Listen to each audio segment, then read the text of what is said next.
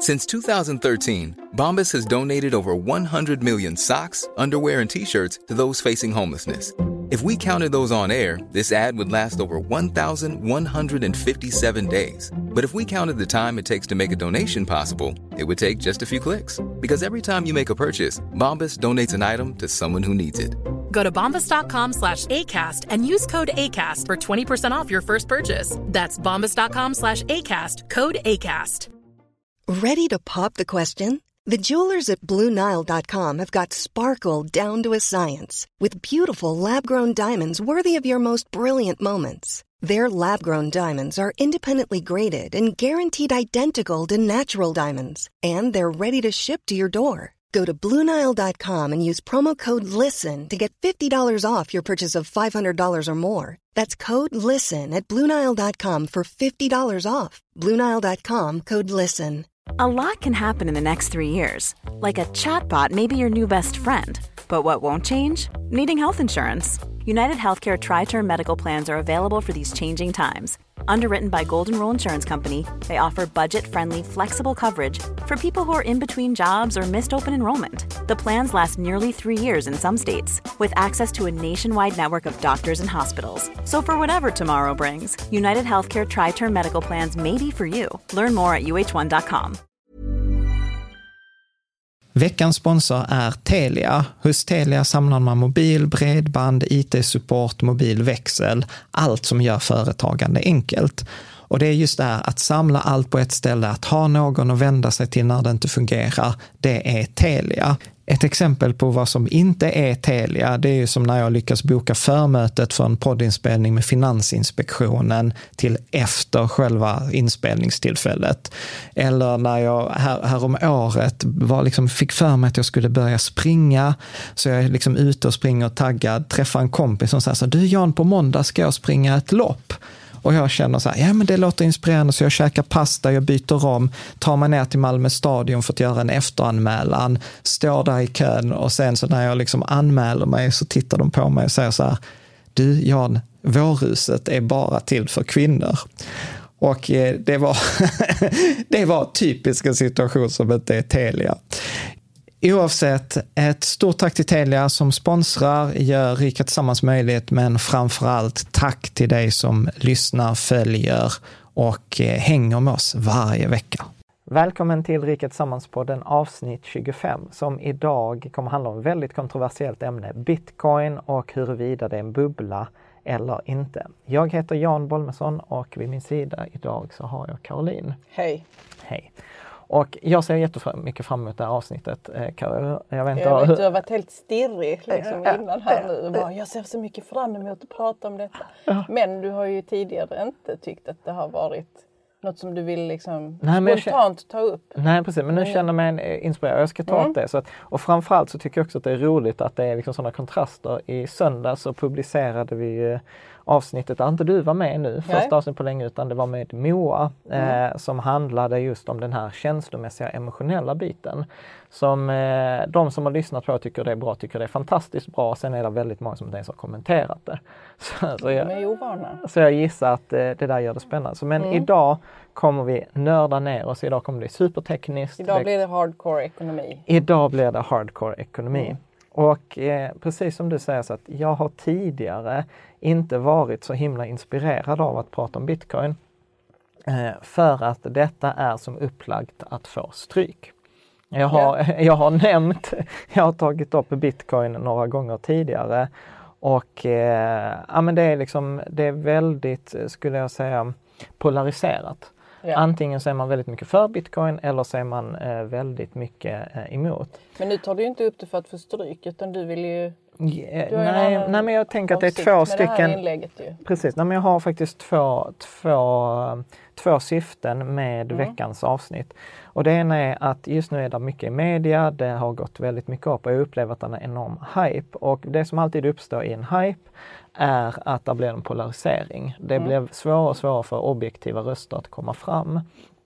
Och eh, och sen så upplever jag att, när jag varit på middag, för jag har träffat många människor de senaste veckorna här och i november. Och eh, jag har träffat flera andra ekonomibloggare som försökte ge objektiva men när de då blir, eh, får motstånd så får de ofta motstånd på de tekniska sidorna och då känner man liksom så att nej men jag, jag kan inte argumentera mot det tekniska för jag förstår inte helt och hållet. Och eh, där, och då tänker jag att det ena syftet idag det är att eh, försöka ge en introduktion till hur jag upplever att bitcoin är, fördelarna och nackdelarna hyfsat objektivt. Eh, så att man kan fatta, för jag har inte så mycket investerat i huruvida du tycker att bitcoin är bra att lägga in pengar eller inte. Vi själva har inte investerat en krona i bitcoin och det finns anledningar eh, till, eh, till det. Så mitt mål är att när du har lyssnat på det här avsnittet och läst den här artikeln som är väldigt, väldigt lång. Det är faktiskt första gången, eller en av få gånger jag skrivit artikeln innan vi spelat in avsnittet. Så därför mm. är det jag som kommer att sitta med datorn idag. Du kommer sitta med datorn, ja. För att jag vill vara säker på att få alla fakta rätt. För jag har mm. gjort mycket research eh, inför den här artikeln. Och den andra anledningen Eh, Eh, då förutom att du som lyssnar på det här ska kunna få en förståelse, kunna hänga med i, i diskussionerna, kunna skilja på vad som är fakta och vad som är myt. Så är det att eh, jag upplever ändå ett visst ansvar som vänder mig till liksom, den vanliga lyssnaren att, att förklara det, för jag är inte rädd för tekniken. Jag är ju faktiskt nörd på det här. Jag är ju civilingenjör, jag har läst mycket programmering och detta är ju de facto en matematisk och en programmeringsmässig grej. Vilket är de två grejerna som jag faktiskt har läst och jag tycker ändå jag har en viss kompetens. Så att vi får se om detta är höjden av arrogans och hybris eller om jag kan... Eller vad som händer, eller om det exploderar kan... i ansiktet på dig. Precis, se om jag kan... Men det kan också föda många bra diskussioner hoppas jag. Ja, och, mm. och det märks ju att det är ett väldigt engagerande ämne. Jag skrev ju om detta innan eh, på både Twitter och Facebook och eh, alltså det är inte ofta där kommer liksom så här 100 kommentarer på fyra timmar. Men varför, för bitcoin känns ändå inte som att det är för gemene man än. Mm. Hur kan det då vara så många som har så mycket åsikter om det? Ja, men, men jag, jag tror att det hänger ihop. Det som är klurigt med bitcoin är att man blandar ihop liksom tekniken och det, det revolutionerande med pengarna, med liksom alla de här, att det blir som en soppa, det blir som kall spaghetti. Ja, det blir lite kletigt. Det, blir lite kletigt. Det är inte bara pengar. Det är inte bara liksom pengar utan det, sammanhanget är Ja precis mm. och, och, och, om jag tänker att eh, man liksom tar... Jag vet inget om bitcoin, du kanske kan ta lite sen, ja. en stund här nu. Nej men jag, jag, jag, tänker att vi hoppar in i det. Mm. För, mm. för att jag anser faktiskt att i grunden så är jag positiv till till koncept, för det är revolutionerande. Det är en fantastisk grej. Men mm. steget till att lägga pengar i det är ganska stort. Så att, och varför jag tycker att det är revolutionerande, för att vi människor har, eh, liksom, för man behöver liksom gå till ursprunget om pengar. Och jag upplever att vi människor har i alla tider eh, haft olika behov och vi har liksom bytt varor. Och jag tänker att Karl, du får bara hoppa in. Vi har inte manus. Nej, men tar du varför det är revolutionerande ja. först. Så, så ja. tar vi det. Men många gånger så, så, har vi liksom haft olika behov, att jag har behövt kläder, du har behövt mat etc. Så att det första, liksom, så för, för många tusen år sedan, så hade vi byteshandel. Problemet eh, med byteshandel var ju så här att om jag kanske behövde eh, liksom en päls och du hade en päls så kunde jag erbjuda bärnsten. Mm. Men om inte du var intresserad av bärnsten just där och då så fick jag ju ingen päls. Nej. Så då blev det liksom en problematik eh, och liksom framförallt detta med som man kallar för uppskjuten konsumtion. Och vad som hände då ganska snabbt var att man insåg ju så här, värdet av pengar. Att okay, men om vi kan... Något som alla vill ha. Något som alla vill ha och som jag liksom kan köpa någonting för senare. Att det är mycket bättre istället för att ge dig bärnsten om du får ett mynt och sen kan du ta det myntet och byta det mot någonting annat som vad du... som helst, liksom, precis, som ute på marknaden. Vad, mm. vad som helst.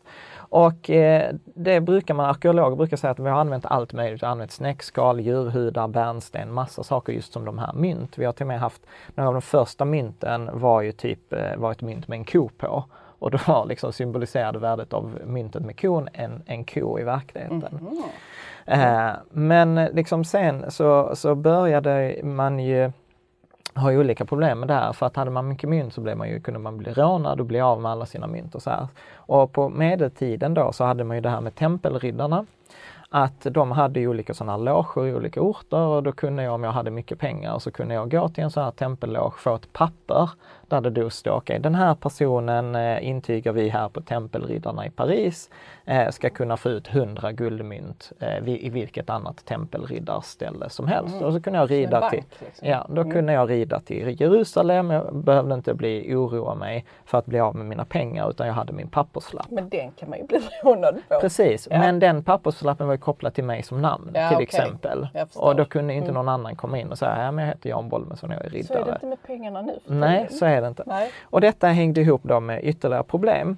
Eh, och det är ju här liksom som, nu, nu är vi på typ 1500-talet och det är ju här liksom de första bankerna uppstod och detta uppstod ju i Italien, i typ Genua, Florens etc. Att man hade handelsmän som, som stod vid bänkar och konceptet var där så här, jag litar inte på dig, men jag litar på min bankman. Så jag går till min bankman som står vid den här bankkurs alltså bänken och så ger jag mina pengar till honom. Bankmannen litar på dig och så ger han pengarna till dig. Och så för han eller hon då en bok Mm. Eh, och det är det, därför vi pratar om bokföra, bokslut, ja, ja. alla liksom så att man för en huvudbok. Mm. Alltså en bok på alla de här transaktionerna. Eh, och detta var väl egentligen det som födde det liksom vanligaste, liksom det här svenska, eller inte svenska, bankväsendet. Ja. Så att vara en bank, sen, sen, har det utvecklats och det har blivit massa kringtjänster och det har digitaliserats. Men i grunden så har en bank alltid varit någon som för bok. Alltså ja. ett stort register på insättningar och uttag. Mm. Du får avbryta om, om, man inte, om det är svårt Nej, att hänga med. Jag hänger med så här långt. Ja, jag tror de flesta gör det. Ja, men Hoppas det. Mm. Bra. Problemet som uppstår då är ju att man ville ju manipulera det här. För till exempel bankmannen insåg ganska snabbt så att om jag lånat in en hundralapp eller flera hundralappar så är sannolikheten att jag ska komma och vilja ha dem samtidigt är inte så himla stor.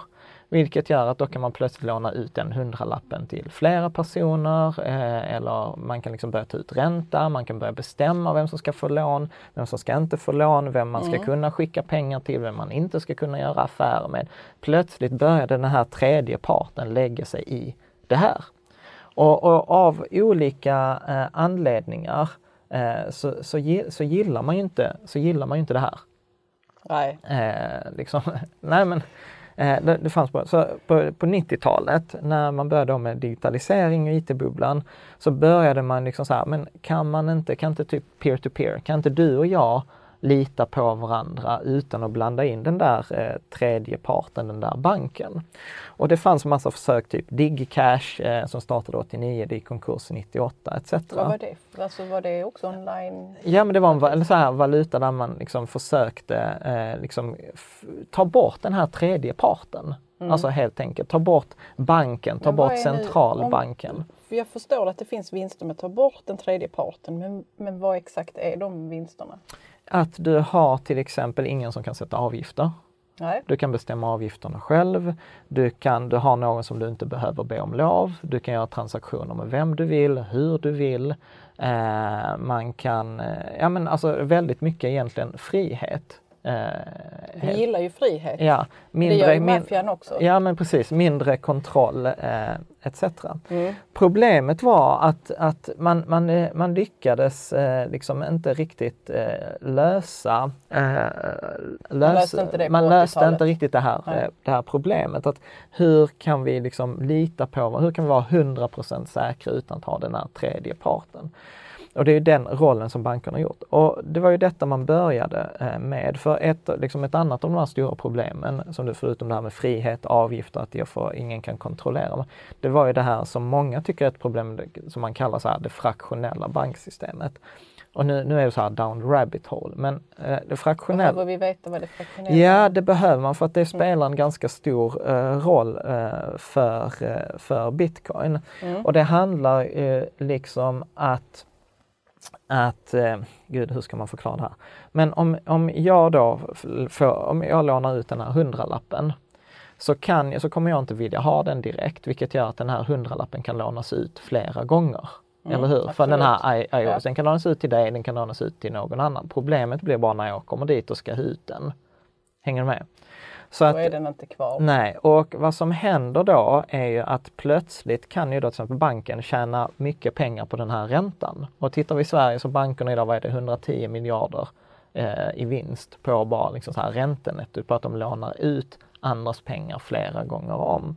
Per kvartal typ. Ja, och detta, ja. Och, och, detta är egentligen inget konstigt. Alltså här, här blir man så här pengasystem, haverister etc. Så det, här finns en liksom stor subkultur. Men om man tittar, jag hittade faktiskt ett svar från Riksbanken som de skrev ett officiellt svar på en fråga de fick här. Mm. Och då citerar jag nu det här, eh, där finns referenser på bloggen, men då skriver man så här. Begreppet fractional reserve banking innebär att för varje krona som en kund sätter in på banken behåller banken enbart en liten andel som reserv, till exempel som sedlar mynt i kassan, medan den största delen lånas ut igen. Denna utlåning blir så småningom till inlåning i en annan eller samma bank och pengarna kan återigen lånas ut till nya kunder. Och detta är bra för bank för de kan ju tjäna pengar på varje lån. Mm. Eftersom bankerna genom att låna ut pengar gör det möjligt för nya insättningar som de sedan kan låna ut igen, skapar bankerna pengar. Pengarna som bankerna skapar är emellertid inte sedlar och mynt utan så kallade kreditpengar. Att bankerna skapar pengar innebär inte att det skapas någon förmögenhet eftersom när man lånar, liksom, sätter in pengar och det lånas ut så blir liksom ökningen blir lika stor på båda sidorna. Så där mm. sker ingen netto. Eh, nettoförmögenheten är oförändrad. Så detta innebär att om jag lånar, ut, lånar in 1000 kronor till banken så kan de säga med ett kapitalkrav på 10% Då behöver de behålla 100 kronor men de kan låna ut 900 kronor och ta ränta på ja. dem.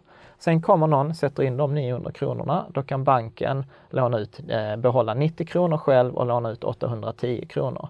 Mm. Av de här 810 kronorna behöver de behålla 81 kronor och låna ut 730 eller vad det blir.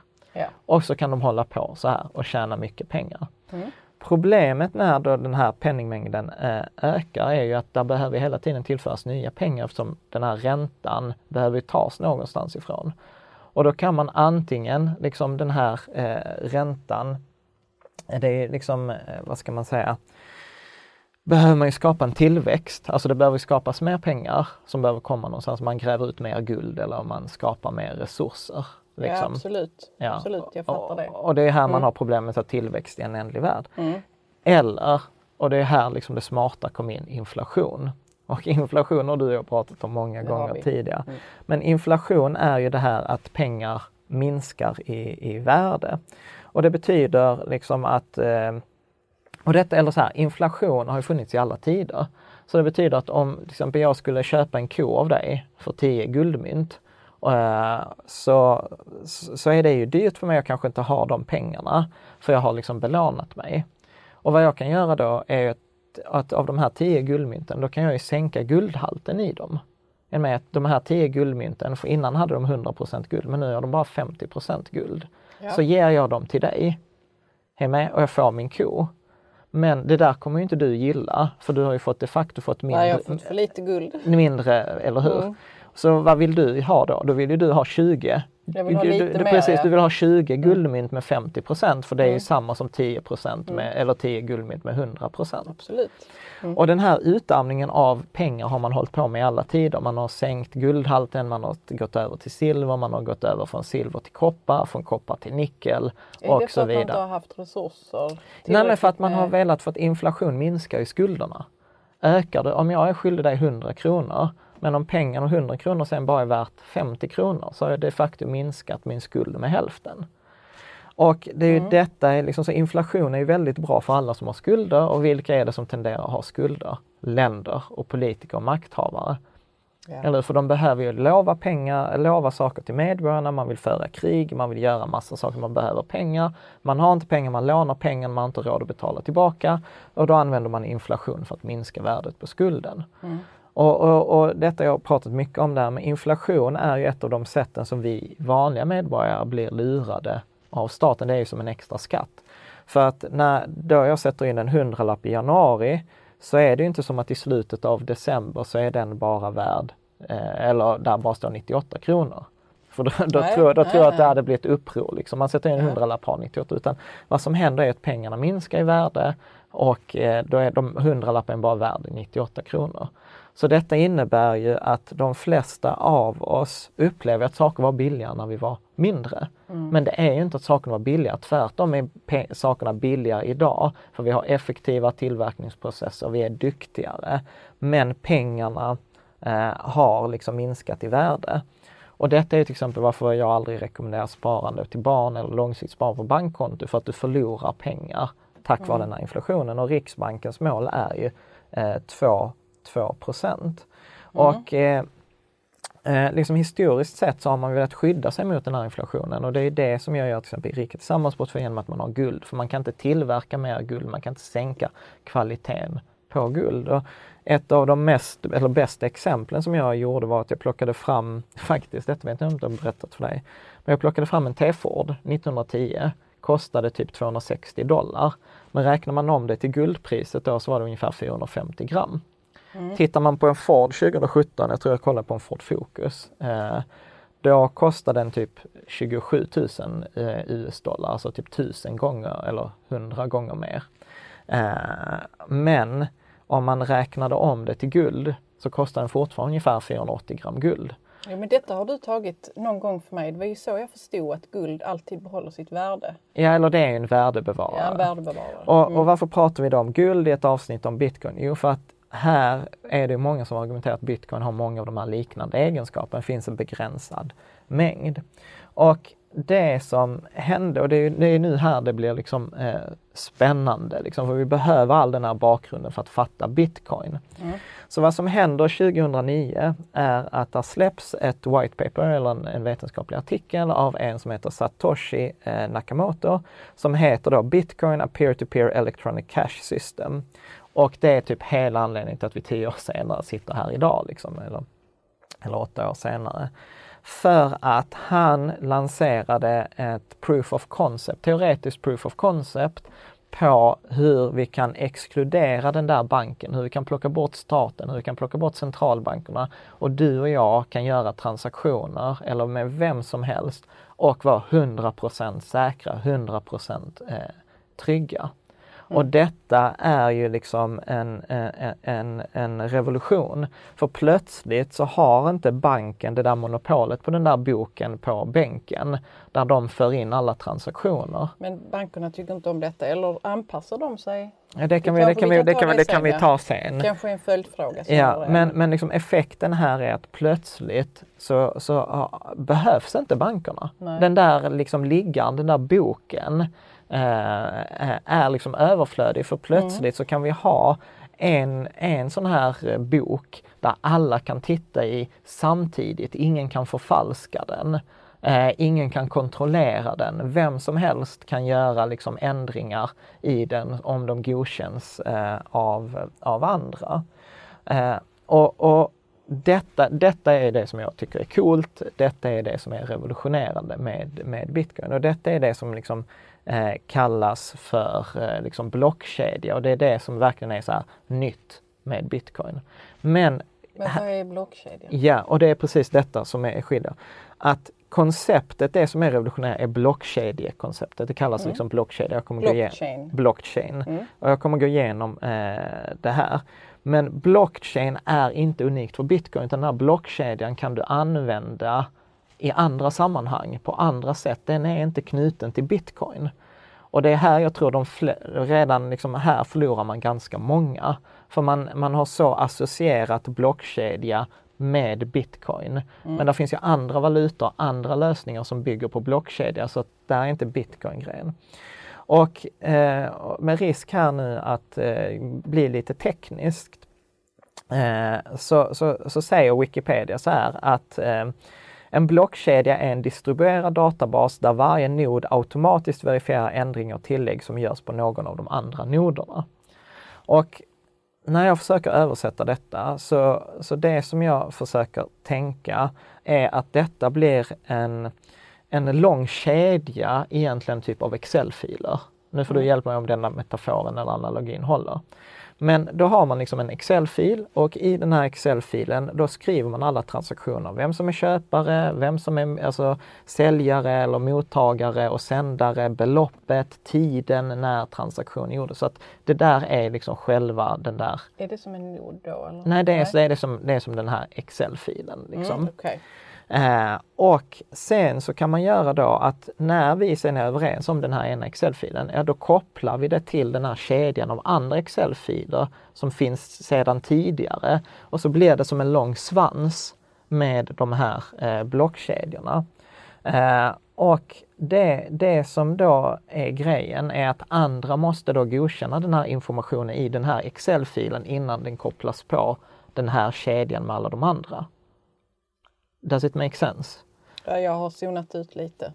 Okej, okay. så, så vi ska... Varför göra... behöver man göra så?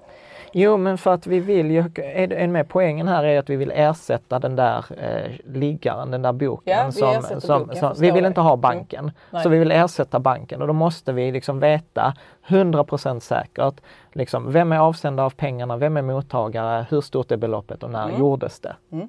Hänger du med? Ja. Och är du med att Excel är ett ganska bra system, att man gör Ja, en sån här absolut. transaktion på varje Absolut. rad. Mm. Men sen måste vi vara överens om att den här Excel-filen gäller.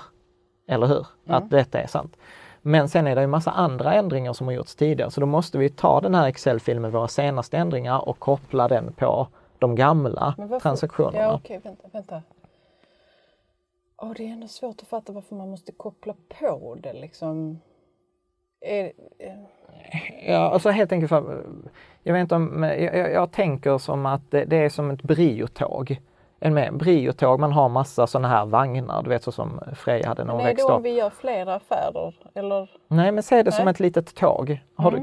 du, kan du se framför dig ett sånt här briotåg? Ja. Det är ett lok och sen är det en liten magnet och sen kopplar man på nästa vagn och sen kopplar man på nästa vagn och sen kopplar man på. Absolut. Ja. Ja. Så en sån här vagn är ju typ då den här Excel-filen med alla transaktionerna och när de är gjorda, när vi har skapat en sån vagn, då kan vi koppla på det på den föregående vagnen.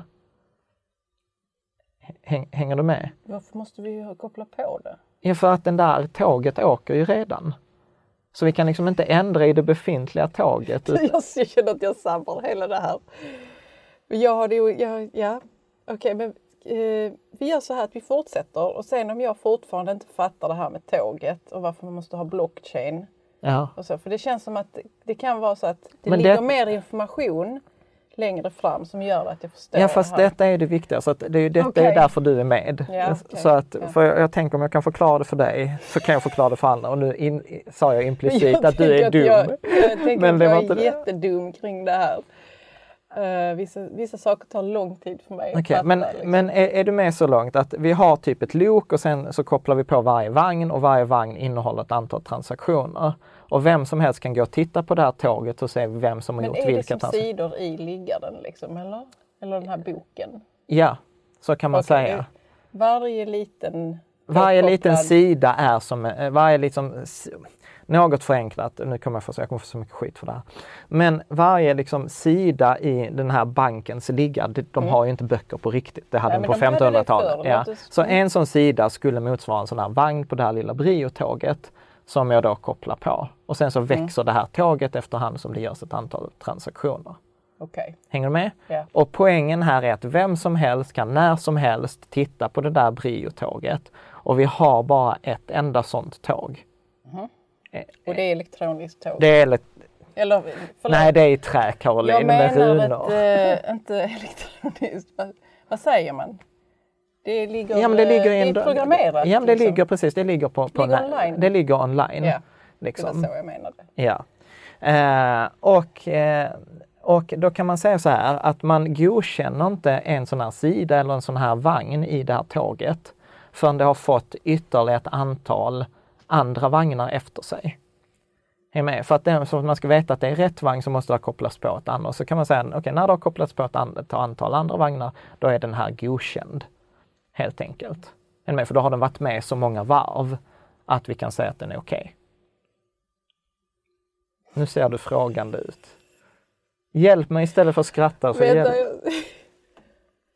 Varför behöver den godkännas av att det är massa andra Jo, för att annars hade ju någon... Jo, för att annars Kan man inte bara godkänna det där Nej, och då? Liksom? nej, för då hade ju någon annan kunnat hitta på en vagn eller hitta på en sida och koppla på det. Och säga så att du har fått över alla dina pengar till mig. Men det har du ju inte gjort. Eller hur? Så, Mm. nej. att, nej, så att då vill du ju att det ska ju godkännas av en massa andra, andra personer så att vi vet att varje sån här transaktion är genuin och att den är autentisk. Det är ju det jobbet som banken gjorde innan. Innan kunde ju inte luras för att banken skulle ju godkänna alla transaktioner. Men vi har ju inte den där tredje parten som godkänner dem. Alltså måste vi ha någon annan som godkänner dem. Och då gör vi det kollektivt, helt mm. enkelt. Och det här handlar då inte om, om eh, vanliga pengar utan då är det bitcoin vi pratar om då? Transaktionerna. Transaktionerna. Ja, ja, transaktioner. Och det, nej, än så länge pratar vi egentligen om, om eh, då blockkedjor. Och de här transaktionerna, nu pratar vi bitcoin, men de här transaktionerna kan vara precis vilket som, vad, som, helst. som helst. Det kan okay. vara precis, det kan vara, mm. det skulle, många pratar om att man vill göra det avtal, som när man köper ett hus. Du behöver inte ha Lantmäteriet skicka in en lagfart. Du och jag kan göra den affären. Men då vill man ju vara säker på att det är bara du och jag som gör affären och att den är autentisk och att den är korrekt. Så, så vi, hela poängen är ju det här, vi vill ju ersätta banken, vi vill ju, eller den här tredje parten, vi vill vara säkra på att det är autentiskt. Mm.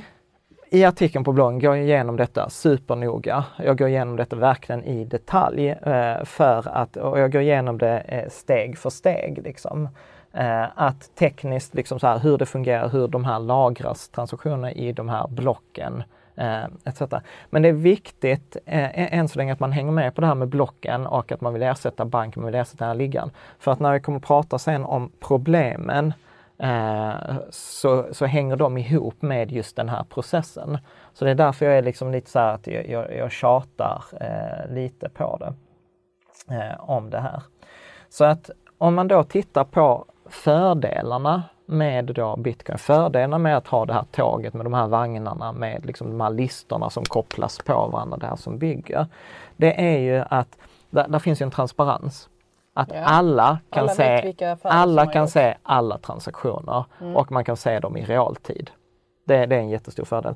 Det andra är att det är decentraliserat. Det är ingen som bestämmer vem som kan göra vilka transaktioner. Man kan inte göra det här, nej nu gillar vi inte Iran så man får inte göra affärer med Iran. Eller du, du, är, du är på en sån sätt så du får inte göra affärer. Så ingen bestämmer. Så är det till exempel inte med US-dollar. Amerikanerna kan idag bestämma så här, nej men du får inte handla med det landet. Och är det någon som börjar, om Sverige då vill handla med Nordkorea så får man inte lov att göra det för då blir vi uteslutna från det internationella banksystemet. Så det, det liksom försvinner. Det vad som helst kan hända om det blir fritt. Ja, och det är många som gillar det. Jag kan ju spontant ja, gilla det. För jag, är väldigt... jag kan vara lite så här, men det är nog ändå bra att det finns en storebror. Ja, precis. De bara suckade till. Kan man, kan Regleringar är bra. Ja, vi, vi, ja, ja. Det, det, är en helt annat avsnitt Caroline. Eh, om det kan vi ta så här politiska åskådning. Ja. Eh, så man har en frihet, man kan göra transaktioner med vem som helst, man behöver inte be om lov, det är ingen Nej. som kan bestämma. Man väljer själv vilka avgifter man vill betala så att det är ingen som tjänar pengar eh, på det här. Eh, det är en ökad trygghet för man kan inte rulla tillbaka de här transaktionerna. Där är skydd mot den här inflationen för att antalet sådana här bitcoins är då begränsat. Så man säger att det kommer bara finnas 21 miljoner mynt, liksom bitcoins. Eh, permanent? Alltså, permanent. Där, där, det, finns, det kommer aldrig, det kommer finnas, aldrig finnas mer. Eh, mer än de Men här. hackar man inte ut, eller hur är det nu? Man gör sån här mining?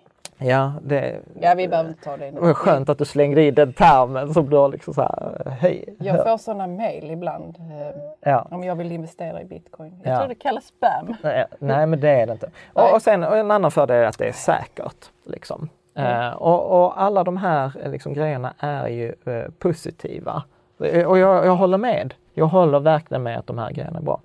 Problemet är sen att jag upplever att det är mycket myter Eh, för det första så är en av de vanligaste myterna är att bitcoin, jag vet inte om du har hört det här, men att det är anonymt. Att det är liksom många brottslingar som använder det för du kan dölja Jo, men det är väl det jag tänker, att maffian kan gilla det. Vad va kan... är din fascination med maffian? Jo, men för det är väl maffian som uh, tvättar mest pengar. Det där är ju bara som jag tror. Okej, okay, det där kändes som ett ganska påstående utan... Ja, det var eh, ett påstående utan att jag har torrt på fötterna alls. Ja. Men jag tänker att, med, alltså, att ähm, aktörer som, som tvättar pengar ja. kan gilla detta. Ja, eh, och det har ju använts på det som man kallar för darknet, alltså mörka mm. internet handlas mycket för droger. Problemet är att detta verkligen är en myt. Alltså det finns hur många vetenskapliga artiklar som helst där man visat hur forskare har kunnat identifiera de som har gjort de här transaktionerna. Till och med Bitcoin skriver på eh, bitcoin.org skriver de att, eh, äh, äh, att anonymitet har inte varit ett av målen med bitcoin. Du har en viss eh, anonymitet fram tills dess att du gör en transaktion. Men när du väl har gjort transaktionen så är där ju en spårbarhet eh, helt enkelt. Eh, och eh, detta är, där finns ju massor som man har identifierat. Så där finns referenser på bloggen eh, till det här. Men det handlar ju helt enkelt om att när du väl har gjort transaktionerna, så till exempel om jag skulle gå till webbhallen till exempel och köpa någonting för bitcoin så får de reda på min adress för de vet ju var pengarna har kommit ifrån. Mm. Och då kan man sen koppla det till min fysiska adress och sen kan man bakåt spara alla mina transaktioner från den adressen. Och då är det liksom inte anonymt längre. Så att det där är en eh, myt. Mm. Eh, en annan sån här myt som, som jag hör det är att liksom, ah, man kan använda bitcoin för att undvika skatt. Mm. För att ingen kan se det. Och det där är också så här Skatteverket. Ja, det är inte anonymt. Så nej. nej. Och svenska okay. Skatteverket har ju till och med gått ut med pressmeddelanden om sagt att bitcoin kan, kan inte likställas med utländsk valuta utan om du handlar eh, med det så ska det kapitalbeskattas. Vilket gör att det är ganska många som kommer få ganska otrevliga överraskningar som har tjänat mycket pengar men inte deklarerat eh, det. Mm. Och jag har också på bloggen så är det konkreta exempel. Cornucopia, då Lars Wildring, en bloggranne, skrivit mycket eh, om det här. Eh, och sen, sen så är det andra sådana här då, myter, till exempel att ja, men bitcoin kommer alltid ha ett värde för det har krävts elektricitet för att skapa dem eh, eller processorkraft. Du ler, vad tänker du? Nej men jag tycker det är gulligt att man man säger så att det har krävts elektricitet för att skapa Ja, men, ja, jo, jo ja. Men, och, men det låter ju logiskt. Alltså, om, om det har krävts en viss resurs för att skapa någonting så borde den resursen ha men det, det värdet. Men mycket elektricitet och processorkraft. Ja, vi ska, vi ska prata om det. Ja. Eh, men, mm. men jag vill först slå hål på den här myten för detta är liksom så här klassisk så här, ekonomisk teori, tror till och med den kallas arbetsvärdesteorin. Mm. Men, men den, den, stämmer, den stämmer inte att om något har tagit X resurser så har du värdet Y och att det är samma. Jag ska snarare, många ekonomer ekonom påstår att det är tvärtom. Att eh, kostnaden för att skapa bitcoin beror på hur mycket de är värda i varje givet ögonblick. Att om de är mycket värda så blir det intressant att göra den där utvinningen av nya bitcoin för du tjänar mycket på det. Är, de, eh, är värdet på bitcoin låga så är det färre som kommer vilja göra det och därmed minskar ju värdet på dem också. Jag får jag bara fråga, hur mycket bitcoin finns det nu? Eh, ungefär 75 procent av alla bitcoin. Ja, ja, så att det blir väl typ 16, 16 okay. miljoner mm. någonting. Eh, och eh, jag ska ta två, två, myter, eh, två myter till innan vi går in på problemen. Eh, den andra myten är ju att alla de här eh, som hatar det här fiat-systemet, det här valutasystemet där bankerna trycker pengar i inflation, så säger mm. så här, bitcoin är egentligen lösningen för det kommer förhindra inflation, det kommer förhindra det här fraktionella banksystemet, att någon tar pengar, lånar ut dem till flera och tjänar pengar på det. Problemet är att det är inte sant. Och detta är inte heller någonting som jag har hittat på utan man kan, jag har många källor på bloggen att det finns redan idag tjänster som coinlenders där, där folk som har bitcoins lånar ut sina bitcoins till andra. Så bitcoin har inget inbyggt skydd mot, eh, mot det här fraktionella banksystemet. Nej. Och de har inget skydd mot inflation heller. Tvärtom har man en inflation i bitcoin idag som ligger på ungefär 4% och det handlar ju om att det skapas ju nya bitcoins. Precis som vi klagade innan på att bankerna skapar pengar så skapas det nya bitcoins. Därmed ökar inflationen. Sen eh, kan man ju naturligtvis eh, då argumentera för att liksom på sikt så kommer ju bitcoinen få en deflationistisk utveckling, alltså priset kommer öka eftersom antalet är begränsat och där kommer försvinna bitcoins för folk blir av med sina bitcoins och då försvinner bitcoin, då ökar det reella värdet. Hur kan man bli av med det? Nej men du glömmer lösenordet till dina pengar. Det finns här... Var har man dem? Ja, alltså du kan ha dem digitalt men du kan ha dem utskrivna på papper också. Alltså mer eller mindre. Det finns en klassisk historia, jag, kan, mm. alltså jag önskar jag kunde ta på allt detta spännande men eh, alltså det finns ju mycket sådana coola sidohistorier som man tar tid. Exempel han Satoshi Nakamoto, man vet inte vem det är. Ja men jag har faktiskt hört det, att ja. det var någon som hette så, ja. som förnekar att han är den som har skrivit artikeln. Ja. ja. och sen är det massa människor som har utgett sig för att vara dem och så har man bett dem presentera bevis. Varför är han anonym? Det är ingen som vet. Det är ingen som vet. Det är ju märkligt. Det är jättespännande. Man vet inte om det är en person, en grupp av personer, ett företag eller ett land eller en säkerhetstjänst. Alltså man har, det, var, det sjukaste jag har sett är att det är utomjordingar från framtiden som har liksom presenterat en lösning på problemet. Men, men skit, ja. skitsamma. Eh, där, eh, apropå detta, för då, där finns en artikel jag länkar till på bloggen också om en journalist på Wired. Han glömde sin pinkod. Han glömde sin PIN-kod och så hade han bitcoin som då för flera månader sedan var värda då 30 000 US-dollar. Alltså 300 000 ja, spänn och du kommer inte åt dem mm. för du har glömt din pinkod. Och sen varje gång han försökte pinkoden och misslyckades så tog det dubbelt så lång tid innan han fick försöka på nytt. Så om han försökte på nytt, tog fel och det tog en timme innan han fick försöka, ja då tog det två timmar. Misslyckades en gång till, då tog det fyra timmar. Misslyckades en gång till så fick han åtta timmar och så vidare. Det är knäppt att man inte kan återställa på något vis som en vanlig, alltså att ja. man loggar in med sitt bank-id. Jo precis men ja, ja det funkar finns inte så. Nej. nej. Eh, så i alla fall eh, det här med, alltså återigen utan att gå in på så här sjukt djup så här med penningmängden. Men även om antalet bitcoins är begränsat till 21 miljoner så kan det finnas mycket mer, alltså penningmängden kan öka eftersom man har det här friktionella banksystemet. Alltså man kan ju låna ut pengar och då ökar mängden bitcoin. Så man är inte skyddad mot de där eh, problemen. Det finns mycket artiklar eh, mm. om det. Eh, sen är det den här eh, klassiska eh, också så här, men eftersom, och detta, jag vet inte hur många gånger jag har sett den här på ja, Facebook, att eftersom antalet bitcoins är förutbestämt så kommer priset alltid öka. Och, och, och för mig är det så här, nej, det är inte sant. Alltså när, när alla bitcoins är utvunna, alltså när man har minat alla de här 21 miljonerna, inget kommer att hända med priset. Eh, alltså grejen är, man, man vet ju, liksom priset bestäms ju bara av liksom efterfrågan och det förväntade framtida värdet. Alltså vad tror jag att den kommer att vara värd i framtiden? Alltså en spekulation. Och dessutom så vet man ju även med vilken hastighet, man vet ju i dagsläget eh, med stor sannolikhet när den sista bitcoinen kommer att utvinnas. Så att där är ingen så här, det är myt att bara för att det är begränsat antal bitcoin så kommer priset öka. Att man tänker att det är så här, ja men det finns bara 21 eh, miljoner eh, kvadratmeter mark. Och när marken är upptagen då måste priset öka. Eh, liksom. Du får jag bara ta en parentes ja. fråga. När han Satoshi, eller vem det nu var, publicerade vetenskapliga artikeln. Hur, varför plockades den upp överhuvudtaget? Alltså det publiceras ju hur mycket som för helst. Att det var Varje en, dag? Ja men för att det var en revolution. Det var okay, man det var, också att detta ja, är revolution. Detta är revolution. Detta är första gången vi kan liksom sparka banken. Detta är ett problem som man har löst, som man aldrig har lyckats lösa Så jag innan. tror det är, är sådana utomjordingar för framtiden. Precis. Skönt, det är säkert detta vi kommer bli citerade på. Du vet, de har gjort en artikel om bitcoin och pratar om utomjordingar för framtiden. Ja. Så att då har vi liksom, vi har gått igenom eh, liksom så här, det här tåget, eh, historien om pengar, vi har gått igenom myterna och nu kommer egentligen till det som är kärnan, som jag upplever som, som liksom varför jag inte tror på bitcoin. Eh, för man har två stycken jättestora problem. Och det första är att transaktionerna är extremt dyra och de är extremt långsamma. Och det hänger ihop, det, detta är varför vi pratade om tåget innan. För, ja, för att en transaktion ska vara färdig så behöver du och jag eh, liksom komma överens om den där transaktionen. Den ska skrivas ner i den här sidan som sen ska verifieras av massa andra människor. Det ska komma ett andra Ja, andra, det måste andra, komma andra vagnar, an, andra, andra, vagnar, andra ja. vagnar efteråt i det här tåget. Och i, i teorin så ska en sån här transaktion bekräftas var tionde minut. Eh, liksom, det ska ske var tionde minut.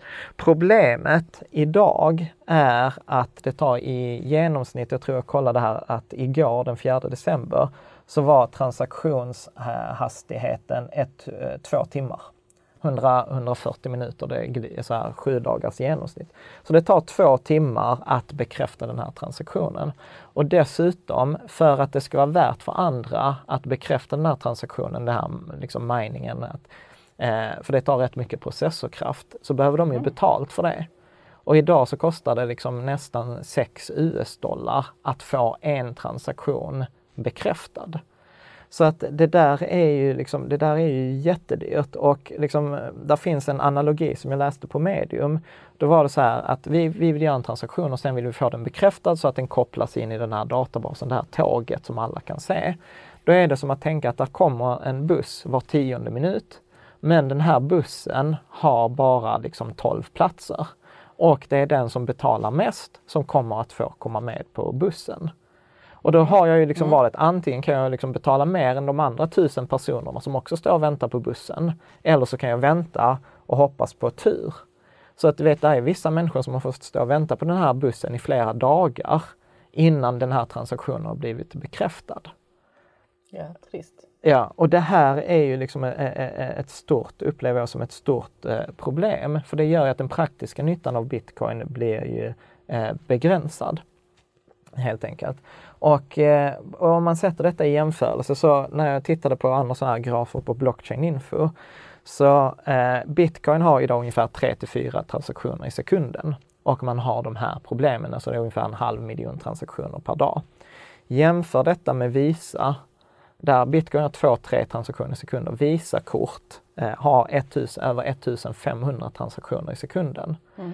Eh, så att liksom eh, eller, eller egentligen som, som Visa själva säger, liksom 150 miljoner transaktioner om dagen medan bitcoin ligger på 500 000.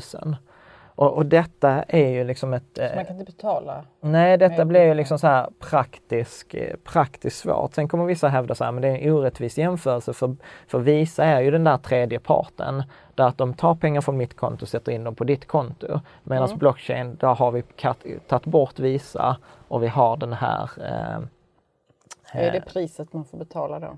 Ja men, ja, men så är det. Och, och detta är ett problem och då har man liksom massa lösningar på det. Problemen är, är att många av de här lösningarna, säger man så här, men vi gör eh, ett sidotåg som åker bredvid det andra tåget. Eller vi gör vagnarna större. Mm. Eller eh, liksom massa andra sådana här lösningar. Problemet är att varje sån här lösning har uppenbara nackdelar. Har man liksom så här, ja men vi tar eh, någon annan som snabbar upp transaktionerna. Ja men då är det tillbaka på banken. Än med att plötsligt, då har vi den där tredje parten ja. igen. Om man tar, ja men vi vill ha stora vagnar, ja men då blir det orättvist för då blir det bara de som har jättestora datorer som kan godkänna dem. Och så vidare. Så att det är massor av problem med att förändra det här tåget. Och detta har gjort det att det är så grupper på nätet också, olika bitcoingrupper som verkligen har krigat om det här och sagt så här, ah, men du skiter i detta, vi skapar vår egen valuta. Så i dagsläget så finns det liksom så flera varianter på det här bitcoin. Det finns bitcoin gold, bitcoin cash, bitcoin diamond, bitcoin XT, bitcoin classic. Alltså så här, men du vet det är helt crazy. Vilken är bit, vilken är Nej, men, eller hur? original? Eller hur? Och detta blir ju liksom, eh, det, är svårt att eh, liksom hantera bitcoin i praktiken. Det blir också svårt för bitcoin att hanteras när det är sådana prissvängningar att du gör en transaktion men eftersom det inte verifieras liksom Nej, om ett par så dagar bli... så kan ju värdet vara så att du har antingen betalat 10% mer eller så har du fått betalt 10% mindre. Men uh, är det ett tekniskt problem? Eller? Ja, det är tekniskt. Så om vi skulle få kvantdatorer, skulle det lösa? Och jag vågar inte gå in på det för då har man andra problem. Är det snabbare. Ja precis, men detta är alltså Nej, jag Nej, vågar inte uttala mig om kvantdatorer för att kvantdatorer bryter ju egentligen krypteringen och det är det som är tryggheten. Så kvantdatorer med, gör en shitload andra problem. Jag trodde att de skulle vara bättre med krypteringen. Ja, nej, ja, ja, men detta handlar inte om bitcoin. Kvanta, alltså du har en fantastisk egenskap att bara spåra ur mina konversationer här. Ja, men det, jag gillar det. Ja, vad bra. Ja, jag tar jag det som ett positivt tecken. Jag sa bara tecken. att det var en, en sidogrej för att du skulle känna dig trygg. Okej, okay, men, men du drog ner brallorna på Nej, mig. det gjorde jag inte Jan. Jag, jag, jag, ingen kan begära att du ska vara inläst på kvantdatorer. När vi ska prata om bitcoin. Vi Nej. hoppar tillbaka till bitcoin. Ja. Du frågade innan så här, energiförbrukningen. Tar mm. det mycket processorkraft? Mm. Och detta är det jättestora problemet. För att bekräfta, för att kunna få tillåta att det kommer en ny vagn på det här tåget, alltså en ny Excel-lista kopplas till den här kedjan, så behöver man lösa matematiska problem. Och de här matematiska problemen är så komplexa så de behöver mycket processorkraft och då har man redan idag, när liksom vi har en hype i bitcoin, eh, en förbrukning på nästan 31 terawattimmar. Och jag fick slå upp det för 31 terawattimmar, det säger inte mig någonting. Mm. Men då kan man säga så här att 31 terawattimmar, det är hela Danmarks förbrukning av el. Hela Danmark. Det motsvarar eh, liksom alla industrier, alla danskar. Eh, det motsvarar en eh, femtedel av Sveriges befolkning. Alltså per, en, per, eh, per år. Per år. En, år, alltså. en femtedel av hela Sveriges förbrukning. Alla industrier, vi har tunga industrier i Sverige som brukar mycket el. Alla hushåll liksom är vad bitcoin tar upp. Hela Irland är också jo, så. Eh, kan du bara eh, upprepa vad det är de här teraba, tera, terawattimmarna. terawattimmarna Ja. Hur bitcoin, eh, vad sa du att det var, det var inte miningen utan det var själva hanteringen ja, men det är miningen. Ja men det är mining, att, ah, okay. att godkänna de här transaktionerna. För när du, får, när du har godkänt en transaktion så får du en belöning och då får du en bitcoin. Så det är det som är miningen, att du godkänner ett andras transaktioner som tack för hjälpen så får du betalt för det. Sen kan man säga att det är en hel process också för det där är bara slumpmässigt. Jag tycker det låter helt kaotiskt alltså. Nej men det är ju det som behövs liksom. Eh, och, och, och, grejen är också så att, att, det är ett matematiskt problem som behöver lösas. Så då är det liksom tusentals eh, personer som jobbar på det här matematiska problemet. Men när den första personen har löst problemet så är det värdelöst för alla andra för då får de börja på nästa matematiska problem. Så att det är mer eller mindre, liksom, inte slumpmässigt, men det är väldigt svårt. Eh, mm. Men eftersom värdet är så högt på att få de här så gör man det i alla fall. Och då blir det för att liksom istället säga, men hela Danmarks årsförbrukning av energi eller hela Irlands eller till och med 19, bitcoin förbrukar mer energi än 19 eh, olika europeiska länder. Då kan man ta det på energiförbrukning per transaktion. Och då är vi nere att en transaktion eh, förbrukar i dagsläget 251 kilowattimmar. 251 kilowattimmar, det är åtta villor i en dag. Mm. Så för att godkänna din och min transaktion så behöver det gå åt lika mycket energi som hade tagit att driva vårt hus i åtta dagar. Det låter så otroligt energiineffektivt. Ja, det, ja men det är ju det som är grejen, det är så sjukt, det tar så mycket energi. Det bidrar till klimatproblemen. Jag vet, och då får jag sagt att ja, men min bitcoin-leverantör har egna vindkraftverk. Jaha, ja ja. Och, och så blir det så här, ja men du vet då hade man kunnat använda den energin till något annat. Ja, och, och jämför detta då återigen med Visa. Nu kan man återigen få skit att det är en orättvis jämförelse. Men Visa har 200 miljoner transaktioner eh, per, per dag mot bitcoins 0,4 miljoner. Men de här 200 miljonerna transaktionerna tar 2% av bitcoins energiförbrukning. Och detta är ju det som är problematiken. Så energiförbrukningen är liksom eh, är ju så enorm, mm. vilket gör detta väldigt, väldigt, eh, väldigt jobbigt. Så detta ser jag så transaktionshastigheten eh, är ett problem, transaktionskostnaden är ett problem och energiförbrukningen är ett problem. Sen är det en massa andra problem som detta som vi har pratat om att eh, bitcoin stjäls liksom när man försöker förenkla detta så sätter man sina bitcoins på nätet men ligger de på nätet så kan ju någon stjäla dem. Alltså man kan hacka någons konto? Ja, och detta hände 2014 mm. med Mount Gox eller MT Gox. Då stals det 850 000 bitcoins. Då var det värt 450 miljoner US-dollar, alltså 4,5 miljard. I dagsläget hade det varit värt mer än 20 miljarder kronor. Så Vad bitcoin, Gox? ja men det var en sån här online-tjänst där du kunde ja, ha dina bitcoins. Ja. Eh, så att det har ju mycket med användarna att göra. Eh, liksom, så det praktiska i att använda är problemet. Eh, och det är ju detta då som jag upplever liksom som, som eh, om jag ska ta några andra problem innan vi kommer in på den här bubbelgrejen. Det är ju att man blandar ihop bitcoin med den här blockkedjan. För att idag så finns det, jag tror när jag kollade innan idag, så var det 1324 olika kryptovalutor. Liksom. Så att man vet ju inte vilken av de här som kommer gälla i framtiden. Sen är det dessutom många som bluffar, som säger att jag har skapat en kryptovaluta, folk tror att det kommer bli bitcoin, de tjänar pengar, det blåses upp och man blir av med sina pengar. Så det är sjukt mycket sådana här problem. Och sen så tror jag också att man underskattar stora företag. Jag tror att man eh, underskattar typ Google eller Apple eller Facebook eller Samsung eller Alibaba eller de här företagen att de inte kommer göra någonting. Tvärtom så gick ju... Inte göra något? Inte att de inte jobbar med blockchains, alltså mm. blockkedjor och skapar en egen valuta. Eh, bankerna, där kom ut en pressmeddelande för något år sedan att Deutsche Bank, Santander, eh, UBS försöker skapa sin egen kryptovaluta. Så att det pågår ju väldigt mycket sånt och, och så säger folk så här, bitcoin var först, det kommer lyckas. Och jag säger, mm, finns väldigt lite bevis i verkligheten för att den som är först är den som lyckas. Tvärtom ja, brukar ju eh, man ha den som är tvåa. Fjortonde försöket liksom. Ja men typ mm. Bo. Jag vet inte om du kommer ihåg Bok.com i början av 2000-talet, första klädaffären på nätet. Eh, gick i konkurs och idag har du Zalando. Alltså enorm mm, jo, men framgångs... de gör ju det som Bo ville ja. fanns inte... Men det var moget. Det tog ja, ett det antal moget, år. Ja, Mat, eh, mm. Mathem, Linas matkasse, allt det fanns ju 2000. De var ju först men de företagen finns ju inte eh, kvar.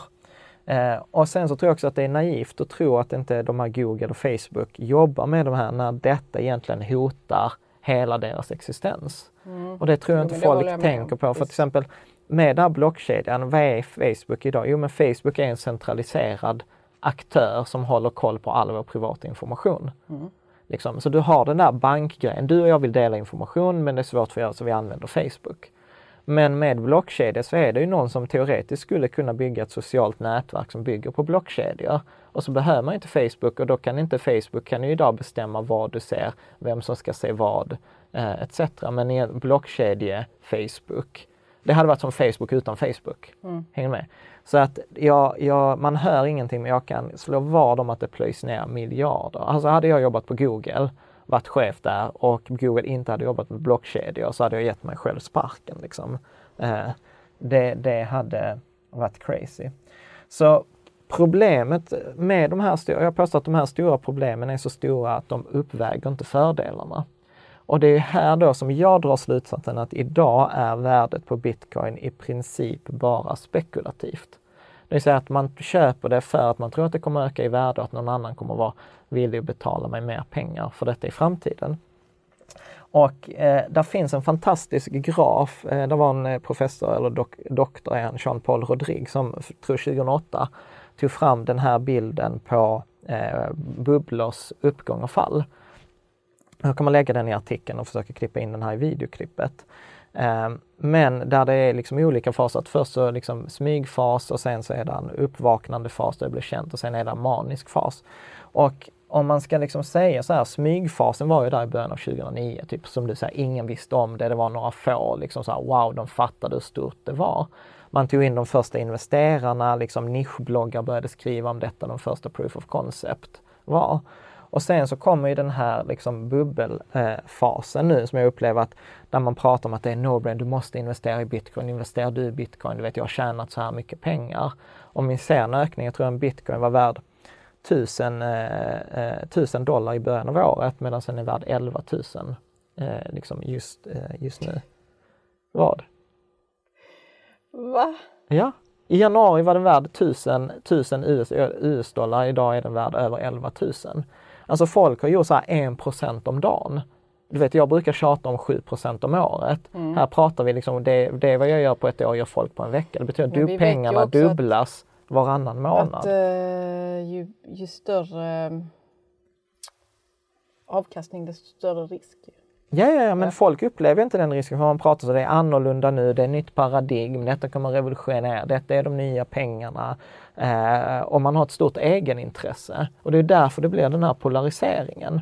Och detta tycker jag är väldigt tydligt, det som pågår just nu, den här maniska fasen. Och detta är inte unikt för bitcoin. Detta hände under IT-bubblan. Detta hände liksom under tulpanhysterin på 630-talet när du kunde byta liksom 10 årslöner mot en tulpanlök. Och jag det finns många bubblor i ja, historien väl? Ja, liksom så här, grannarna pratar om det. Du får tips om så här köper du bitcoin. Eh, vanliga människor tjänar pengar. Van, liksom så här, man blir miljonär. Man slutar investera i så här gamla fonder och sånt skit. För att Men nu är det har ju inte pratat med, med, med, folk om bitcoin. Ja, jag får den frågan hela tiden. Ja, du får det? Ja, gud ja. Hela ja. tiden. Det är väl ditt varumärke som gör det. Ingen frågar mig om bitcoin. Nej, nej. Vad skönt det är. Ja, och jag har gjort en graf där jag har tagit den här bubbelgrafen och lagt på utvecklingen av bitcoin. Du, du mm. kan ju kolla på vad, vad är din analys? Min analys är att det borde ju falla snart. Kan vi inte bara försöka visa den? Jo, men jag kommer att klippa in den. Så nu när ja. vi pratar så kommer folk se de den. De som lyssnar kommer inte kunna Men man kan se den på bloggen i alla fall om ja. man scrollar ner och nu är ju detta, Precis, och nu är ju detta lite otyg. För detta är det som kallas för curve fitting. Om man tar en graf och så försöker man få den att likna den andra ja. grafen. Så att man, det är ju inget så att bevis att åh, nu är det 20% kvar, utan det handlar om att se de stora tendenserna. Mm. Att se till exempel detta, det, det är en polarisering. Det saknas objektiva röster. Man är dum om man inte investerar. Eller det är de nya pengarna, vanliga människor som, som inte har någon erfarenhet av investeringar eller kryptovalutor eller data plötsligt börjar rekommendera liksom, åh du vet bitcoin är det nya, du borde investera. Vilken bitcoin är det de investerar i? Ja, undrar det... jag. Är det diamond eller original? Classic ja, eller gold? Nej men man får sådana här, jag gick in i bitcoin för en månad sedan och jag har dubblat pengarna. Jag snittar 1 till 2 procent om dagen. Du vet, jag, känner, jag känner en kompis, han trodde inte heller på bitcoin innan han läste på. Men det är faktiskt inte valutan som är intressant, det är blockkedjan, det är revolutionerande. Ja, men jag på min egen Facebook-sida. Ja, okej. Okay. Ja. ja Sommaren 2007 köpte han två bitcoin för 49 000. Idag är de värda 200 000. Poängen är ju att alla de som skriver de här kommentarerna har ju rätt. De har ju tjänat pengarna ja, ja. Och, liksom, och, det, och risken här blir att man sätter in mer och mer pengar och det blir liksom, och det, det är här det föder sig självt. För, för att man liksom, oj, gud varför satte jag inte in 200 000? Varför lånade jag inte på huset i somras? Du vet, jag hade haft två miljoner. Och, och, och vad som händer då, det är ju de här eh, psykologiska liksom, faktorerna. Att man är, man, man är dum om man inte gör det. Man, eh, man vill inte hamna efter, man vill göra som de andra gör. Och det pågår massa sådana här saker med en. Och, och, jag upplever att detta var ju samma sak som under IT-bubblan IT liksom 2000, att folk sa så här, men det är inte rimligt att ett företag som inte tjänar pengar är värderad till mer än liksom Ericsson eller Volvo eller klassiska företag. Men du mm. vet, då är man dinosaurie, då fattar man inte grejen och man ligger efter. Ja. Eh, och det är det som jag upplever pågår, eh, pågår nu. Liksom. Uh, och, och, och, då, och, då, är frågan liksom så här, så vad ska man göra? Går det att tjäna pengar på spekulation? Absolut. Eh, jag har ju många gånger, det är klart jag har tänkt så här, gud, man, klart man skulle gått in i, i januari. Liksom. Att hade man gått in med 100 000, ja, då har vi haft en miljon nu. Och att det blir det där. Men grejen är att jag tror att vår, eller min orättvisa fördel är ju att, är att att vi, jag har ju förlorat pengarna, eller vi har ju förlorat våra pengar två gånger. Ja, vi var inte tillsammans 2001 när jag förlorade alla mina pengar första gången, men 2008 förlorade vi massor av pengar, så vi har ju varit med om två sådana här bubblor mm. tidigare. Eh, och, och jag, gör idag, det gör att jag är ödmjuk och att jag kan liksom säga, mig spelar det inte så himla stor roll för vi har liksom vår vår strategi. Ja, vi har vår strategi. Och då behöver man liksom inte vara så att det sker massa saker vid sidan Nej, av. Nej, det som är skönt med strategi är ju att man behöver inte hoppa på grejer ja. så himla snabbt och lätt. Ja, precis. Utan man kan hålla sig till det här. Så vi får väl vara dinosaurier då? Vi får vara dinosaurier. Men det handlar verkligen det handlar inte om att jag vill vara, eller så här, vara skadeglad eller surt för räven och rönnbären. Utan här handlar det om, jag tror så här, att man behöver skilja på blockkedjegrej, det revolutionerande i det och bitcoin som valuta. Mm. Man behöver se att värdet i bitcoin det bygger inte på konceptet blockkedja utan det är att man tror att det kommer att ha ett högre värde i framtiden än vad det har idag. Mm. Så att om jag skulle drista mig till någon rekommendation så skulle jag säga till folk som jag alltid gör, liksom så här, har du en vinst, ta ut en stor del, ta ut åtminstone så mycket så att du täcker det du har satt in. Ja, så, att, så att du inte liksom förlorar, så att du är på noll. Även om det är mental bokföring så är det ändå en mental bokföring som funkar eh, för, för många av oss. Investerar du i det? Var, det var någon som skrev så här, så ah, men jag sätter in mina lekpengar. Ja men absolut, jag hade annars konsumerat de här pengarna, nu sätter jag in dem. Det kan jag ju tycka var sunt, men att jag skulle väl liksom avråda från att se detta som liksom en långsiktig strategi eller att man faller i det här misstaget om man tycker 10% om året eh, att det är för lite. För att om jag har 10 000 så 10% är en tusenlapp. Ja men jobba ett par dagar övertid så har du tjänat mer än en tusenlapp. Men då missar man ju att 10% är ju 10% oavsett om det är på 10 miljoner eller en tusenlapp. Så att det är procenten som är det viktiga och där brukar jag säga så här att men ha tålamod, ha ett sätt som garanterat funkar där du inte behöver ta de här riskerna. För jag tror tyvärr att många kommer förlora pengar. Och de som kommer förlora pengar det är ju alltid unga och män. liksom. Tror jag. Tror, tror jag. Ja. ja. men det är väl något sexigt med bitcoin eller så, eh, de här valutorna mm. som gör att man liksom ja. känner att man vill inte hamna efter. Nej, nej och, det, och, och, se de här psykologiska effekterna. Så jag vet inte, does it make sense? Detta är ju vårt längsta avsnitt men jag tycker så här, svårt att göra detta kortare. Ja, det skulle varit svårt att göra det kortare. Men jag, jag tänker att vi, vi, det viktigaste var väl ändå blockchain eller blockkedje. Mm. Grejen att fatta den. Och jag vet inte ifall jag har förstått den helt och hållet än. Men eh, det är det jag tar med mig. Mm. Blockkedja. Ja. Så detta ska bli superspännande. Eh, kommentera gärna. Jag önskar, I min önskedröm så kommer vi få en eh, sansad dialog i kommentarerna och att eh, där är säkert saker jag har missförstått i, i det här. Och då hoppas jag liksom på att det är läsare som är klokare än mig som kan hjälpa till och, och visa var det har gått fel. Och eh, sen så uh, får jag liksom helt enkelt så här, önska lycka till med beslutet om huruvida du köper mm. bitcoin eller Absolut. inte.